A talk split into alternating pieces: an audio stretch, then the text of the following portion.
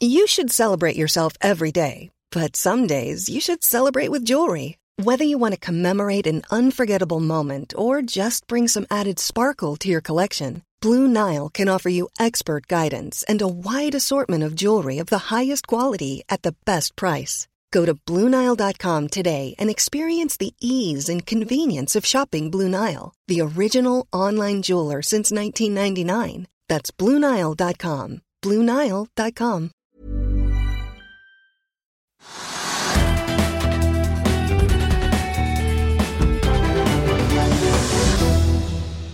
En riktig god tirsdag, en dag som vi kanskje kan si står i restruktureringenes navn. Vi prater med SAS-sjef Anko van Werf straks og spør om han nå klarer å redde det tradisjonsrike flyselskapet igjen, slik hans forgjenger måtte gjøre i både 2012 og 2020.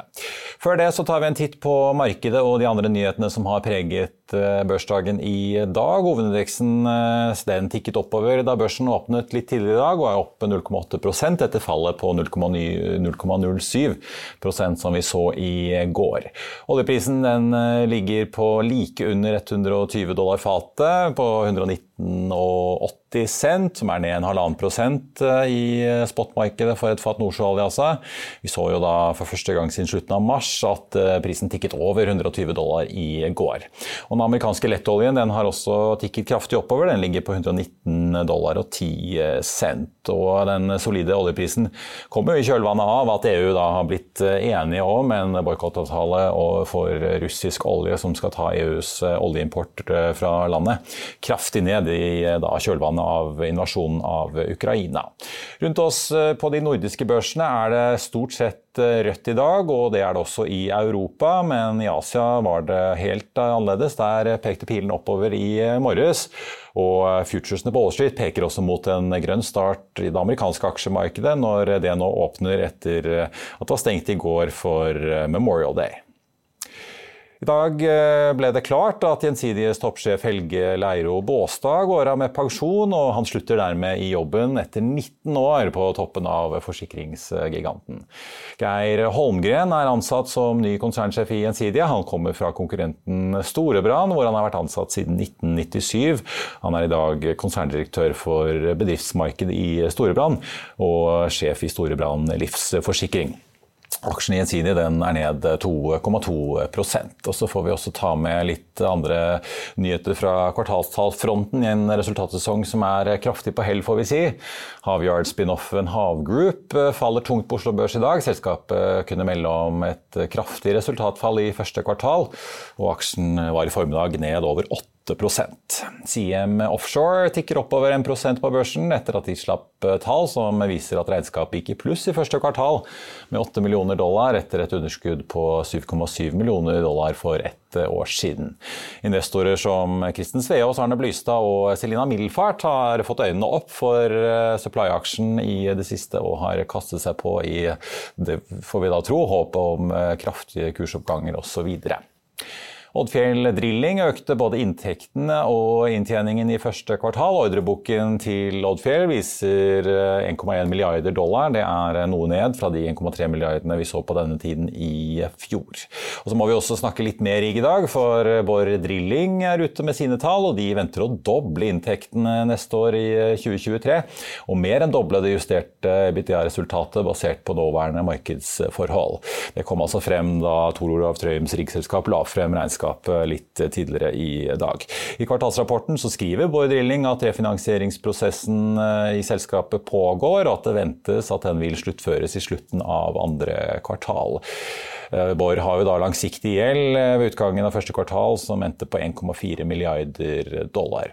Inntektene til Borr økte med 19 sammenligner vi med tallene fra fjerde kvartal, mens det justerte driftsresultatet falt noe tilbake. Bunnlinjen bedret seg med litt over 5 millioner dollar til et underskudd på 51,3 millioner dollar.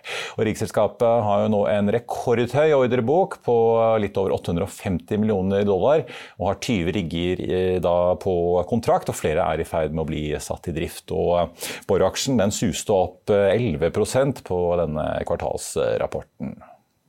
Før vi går videre i sendingen, husk at du også kan se sendingene våre ved å gå inn på fano-tv, og at vi også har andre podkaster enn bare Økonominyhetene, som Morgenkaffen, Gründerpodkasten Veien hit, Ukens vintips, Kunstpraten og bilpodkasten Mil etter mil. De finner du ved å søke Finansavisen der du hører på podkast. Da skal vi til luftfart, for SAS slapp i dag tallene sine for sitt andre kvartal, som altså løper eh, fra februar til og med april, og altså dermed inkluderer hele påsken. Resultat før skatt endte på minus 1,6 milliarder svenske kroner, med en omsetning på litt over 7 milliarder. Og I tillegg til regnskapstallene så annonserte SAS også flere detaljer i redningsplanen som ble lansert litt tidligere i år, kalt SAS Forward. SAS sier de vil konvertere 20 milliarder eh, svenske kroner i gjeld om til aksjer og hente inn minst 9,5 milliarder eh, svenske kroner i frisk eh, kapital.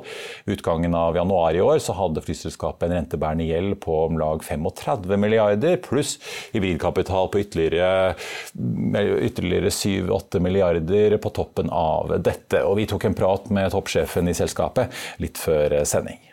Anko van der Werff, CEO of SAS, thank you for uh, joining us. Your numbers and your uh, new details in your refinancing plan are out. But before we get to that, I want to uh, talk about your operations and the market right now. We've seen both your numbers and, and from other actors in the industry that traffic is picking up quite significantly now from Easter and into spring.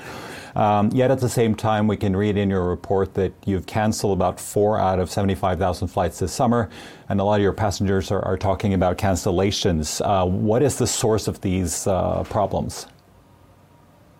Yeah, I think this is really an industry-wide uh, wide problem. Um, what we have seen, and, and, and really uh, everyone is seeing at the moment, um, late aircraft deliveries. That's either from, for instance, um, manufacturers themselves directly, or through lessors, those are being late.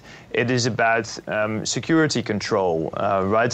Staffing up, and, and they're having um, badge issues, right? Security background issues, for instance. It's a throughput of the entire system that needs to be um, put back in place, really. Um, we have seen um, at least uh, a very international issue, if you like, right? It's not it's not one particular area, and that makes it also so incredibly hard to put back in uh, back in place. Now, what we have done, uh, right, I think you referred to it, indeed, we've taken um, about a month ago, six weeks ago, those 4,000 flights out of the summer because we felt that was the right thing to do, to not put additional stress on that entire system. We have made absolutely sure now every single flight that we have planned has the pilots and the crew going into the summer. And on top of that, we have standby levels, right? So we have between 10 and 15%, both on pilots and crew, standby if things were to happen. Uh, I want to ask you then, uh, given these logistical challenges uh, internally in SAS and in the industry, combined with uh, a vast increase in fuel prices, how much of the profits you were hoping for this summer are now going to be uh, gone because of these uh, different challenges? Yeah, it, definitely a hit, right? I haven't done that as a as a percentage, um, but but it doesn't help, right? I mean, when you look at fuel prices being where they are today, right? Ever since Russia invaded uh, invaded Ukraine, we have seen a number of challenges. The first one being rightfully so, as you say, fuel prices increasing. Um, that hurts all of our flights. And then specifically in the case of SAS, for instance, we cannot overfly Russia, right? The Russian airspace has been closed. Um, we cannot fly to Russia directly and get some more feeds, similar to Ukraine, where we're currently not operating, uh, right? We always had a Kiev Oslo, for instance. Um, but then also very importantly, that overflying to, uh, to Asia that we cannot do at the moment. So multiple challenges, and we were really hoping for a much better summer, but it's again going to be at least partially challenged. You've now drawn on your 3 billion kroner credit facility that was granted to you, um, and you ended the quarter with a 8.5 billion in, in cash. Uh, but you're obviously launching now a, a, massive restructuring if, if you get this through. How urgent is your financial challenge, and is there a, potential risk that SAS could be grounded if you don't find a solution uh, this year?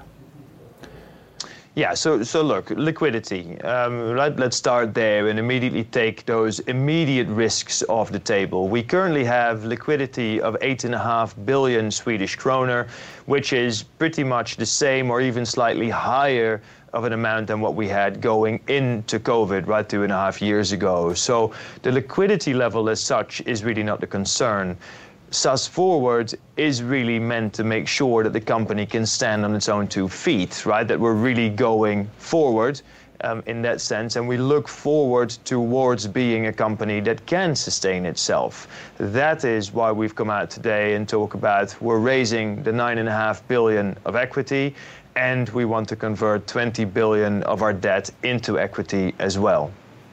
Uh, what signals have you gotten from your major creditors and shareholders uh, about this plan? You write in your report that you expect a significant part of the new capital raise to come from new investors and not your existing ones. Yeah, let's let's break that down as well. Look, I think um, the reason for sharing these numbers today is also because it, it allows people to really grasp, um, I think, the magnitude of what we're doing here. Um, there is, I think, still people hoping for I don't know, a magical solution or a quick fix, and there there is none, right? When you look at SAS Forward, the way we have really designed it is that all of these things need to fall in place. It needs to be a competitive company. We need to do our own work. Then, of course, be able to um, convert that debt into equity, and with that, we will be able to attract new investors. Now, we are talking to investors, um, current and new. And there is just only one thing to do, right? We have to, of course, make sure that we are competitive and that we are a company that can really stand on its own two feet. And just to round off quickly, uh, is this a message then both to creditors and your trade unions that they have to give uh, give something here? Well, we've said this all along, right? It really requires everyone to participate. And the number one thing we have to do is make sure that we attract those investors into the company, right? We have to make sure that we get, of course, to that money, to the new capital that we wish to raise. And for that, those other things will need to fall in place. So this is a message to everyone in the SAS um, stakeholder group. We need to do all those things and then be a successful airline that, once again, I'm repeating myself, can really stand on its own two feet. Anko van der Werff will be watching this process uh, closely, and uh, I guess I should say uh, good luck. Thank you so much. Denne sendingen går mot uh, slutten, men husk å få med deg uh, morgendagens Finansavis enten som da e-avis i kveld eller uh, på papir på dørstokken i morgen. Der kan du selvfølgelig lese Trygves leder og masse mer stoff om både kvartalssesongen, restruktureringen i SAS og alt annet som rører seg på børsen. Det var vår sending på denne tirsdag 31. mai. Takk for at du så på. Vi er tilbake her i morgen klokken 14.30. I mellomtiden får du som alltid siste nytt på fa.no. Mitt navn er Marius Lorentzen. Så håper jeg du og dine får en riktig fin dag videre. Takk for nå.